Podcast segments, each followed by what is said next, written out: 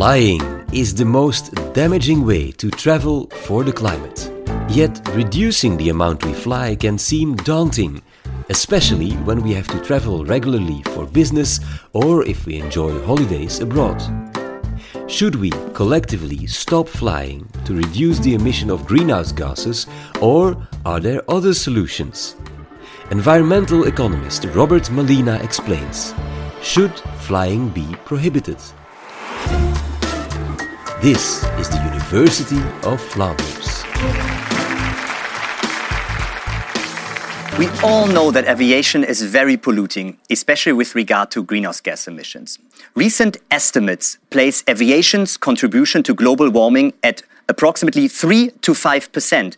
And as more and more people are expected to, well, fly more and more, we can expect this contribution to also grow in the future. So, to put these numbers into perspective, one trip from Brussels Zaventem to Singapore Changi Airport has a higher climate impact than that of three cars driving for the course of a full year on Belgian roads. And it has a higher climate impact than that of two households generating the heat and electricity for a full year. In other words, in order to make up for this one trip to Singapore, you would need to keep the car in the carport for three years and not use it or to live in cold and darkness for two years. So one could argue that by entering a plane, you basically become a co conspirator to destroy our planet. However, if I were to ask now 100 random people on the street if they were to make a promise on the spot to never ever fly again, not many of these people would make that promise. And I would not make it either. So why not? Why are we not willing to give up flying although it is so polluting? If I were to ask this same group of people now as to why they are flying, why they're using the plane, I would get a multitude of reasons, and they would all boil down to the notion that aviation provides some benefits. And some of these benefits can relatively easily be quantified in monetary terms. The International Civil Aviation Organization estimates that aviation currently supports roughly 2.7 trillion US dollars in economic activity. That is 3.5% of global GDP, and that it secures 65.6 million jobs. There are some local economies that are almost fully dependent on air travel related tourism, and these economies would be significantly poorer without the income generated by visitors arriving by plane. Some other benefits are harder to quantify in monetary terms. Aviation creates connectivity by bringing people actually together that usually are separated by both distance and culture. And this is important from a business perspective because it helps to truly engage with your business partners and to build trust that is very difficult to be built by, for example, a video conference. But this is also crucial and probably more importantly so from a broader societal perspective. Traveling broadens horizons by meeting and engaging with people and cultures that otherwise you would have never met. This is enriching in its own right, but it's also serving a broader purpose. Many of you will have heard about the European Student Exchange Program called Erasmus. And some of you might have even been part of it in the past or are part of it right now. Through the Erasmus program, European students for the first time live and study in another European country. And the experiences that they have and the friendships that they make become a formative part of their lives.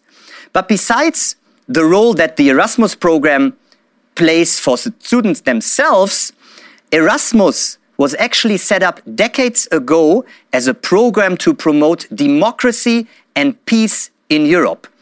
So, to put it simply, a lot of prejudice and misconception about foreign cultures disappears once you immerse yourself in this culture and start making friends. And aviation plays the same role globally that Erasmus does for Europe. It turns strangers into friends, and you're less likely to go to war against a friend than against a stranger. So, in sum, flying has many benefits individually, for the economy, and actually also for society at large. So, my bottom line is if you were to prohibit flying, all these benefits would actually disappear. So, prohibiting flying is not a feasible option. What we instead need is to develop solutions that marry the need for aviation to pollute less with our desire to fly. And now you might think that we should actually have a starting point for this because, well, there is the Paris Climate Agreement that provides a framework for limiting global warming to well below 2 degrees centigrade and for pursuing efforts to limit it to 1.5 degrees centigrades. But the Paris Agreement actually only covers domestic aviations. So flights within one country, from Munich to Frankfurt, for example, but not a flight from Frankfurt to Brussels or from Brussels to Chicago. That might seem odd, but the reason for this lies in the fact that the Paris Agreement rests upon countries reducing, well, their national emissions. But aviation emissions, well, happen in international airspace or in the airspace of other countries. So it is actually not known who would be responsible for reducing these emissions. However, obviously, even if international aviation is not part of the Paris Agreement, it is not acceptable to do nothing. So let's look at mitigation options for aviation's climate impact, starting with the aircraft itself. Each new aircraft generation is more fuel efficient and less greenhouse gas intensive than the previous one. For example, uh, the most novel aircraft that Airbus sells, the Airbus A350, burns roughly 30% less fuel per seat kilometer than an Airbus A340 300, which has been flying since the 1990s.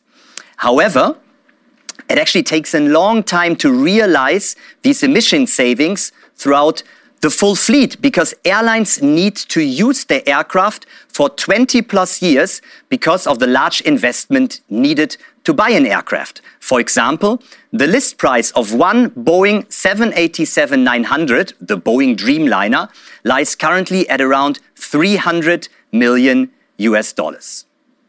These high costs also imply that even if there was a major technological breakthrough that, for example, would mean that all electric flying was possible within the next 10 years or so, which would be a very ambitious timeline, it would still take until the year 2050 until the fleet was fully replaced with these green aircraft.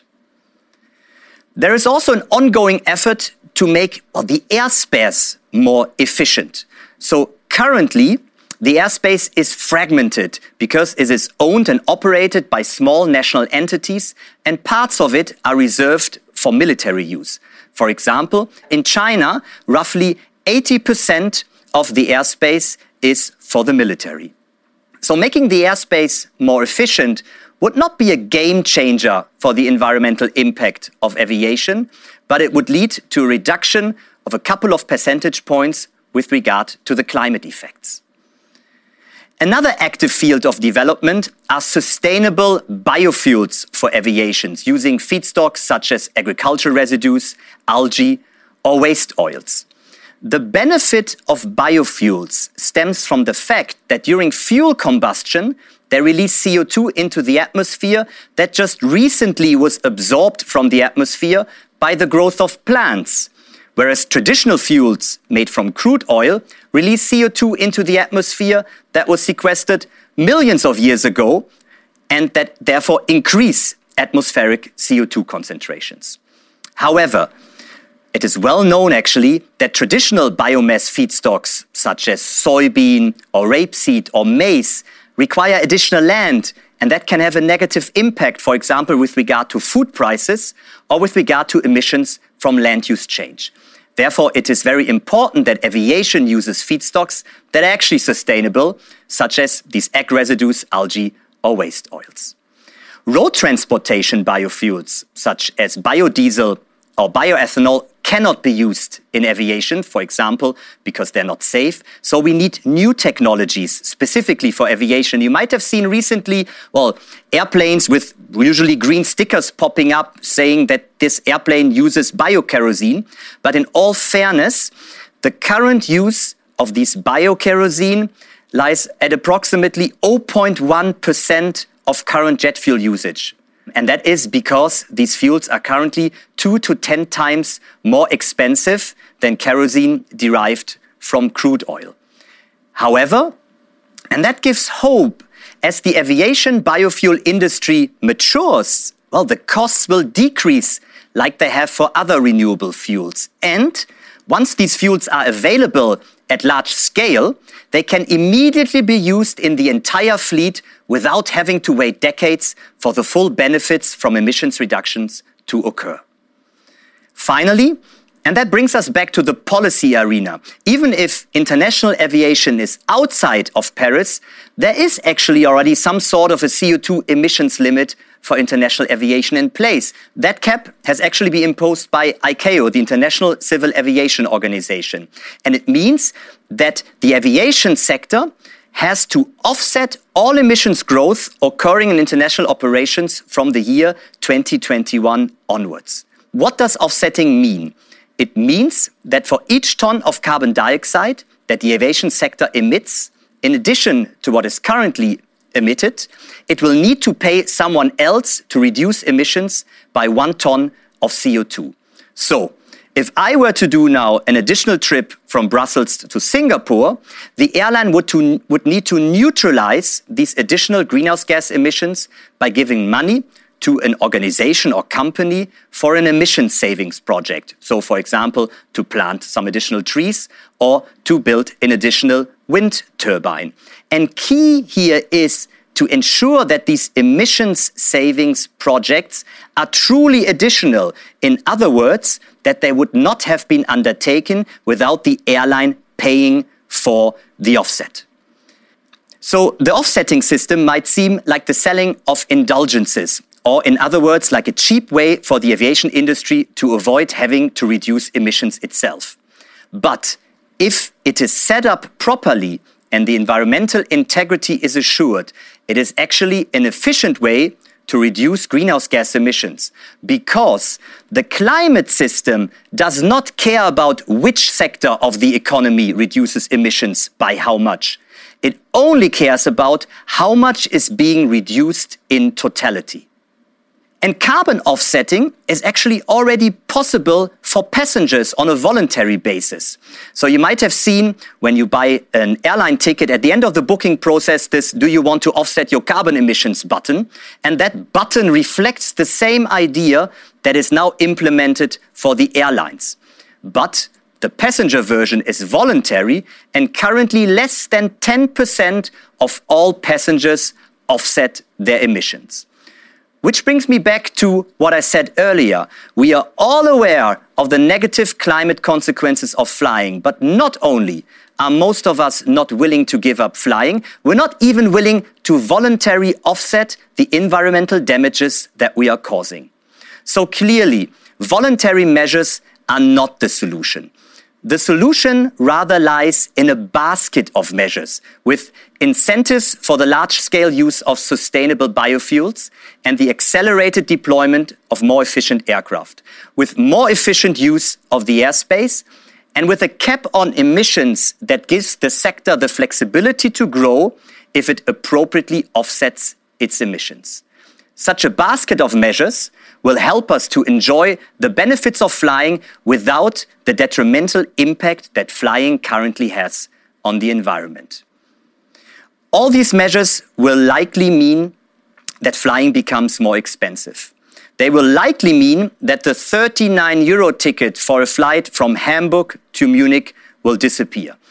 But that is actually not a bad thing because it will help us think twice about using the plane for these short haul trips for which feasible transportation alternatives are actually available. So, should flying be prohibited? No. But we have to act now to significantly reduce its environmental impact. And next time you fly, you should really think about voluntarily offsetting your CO2 emissions.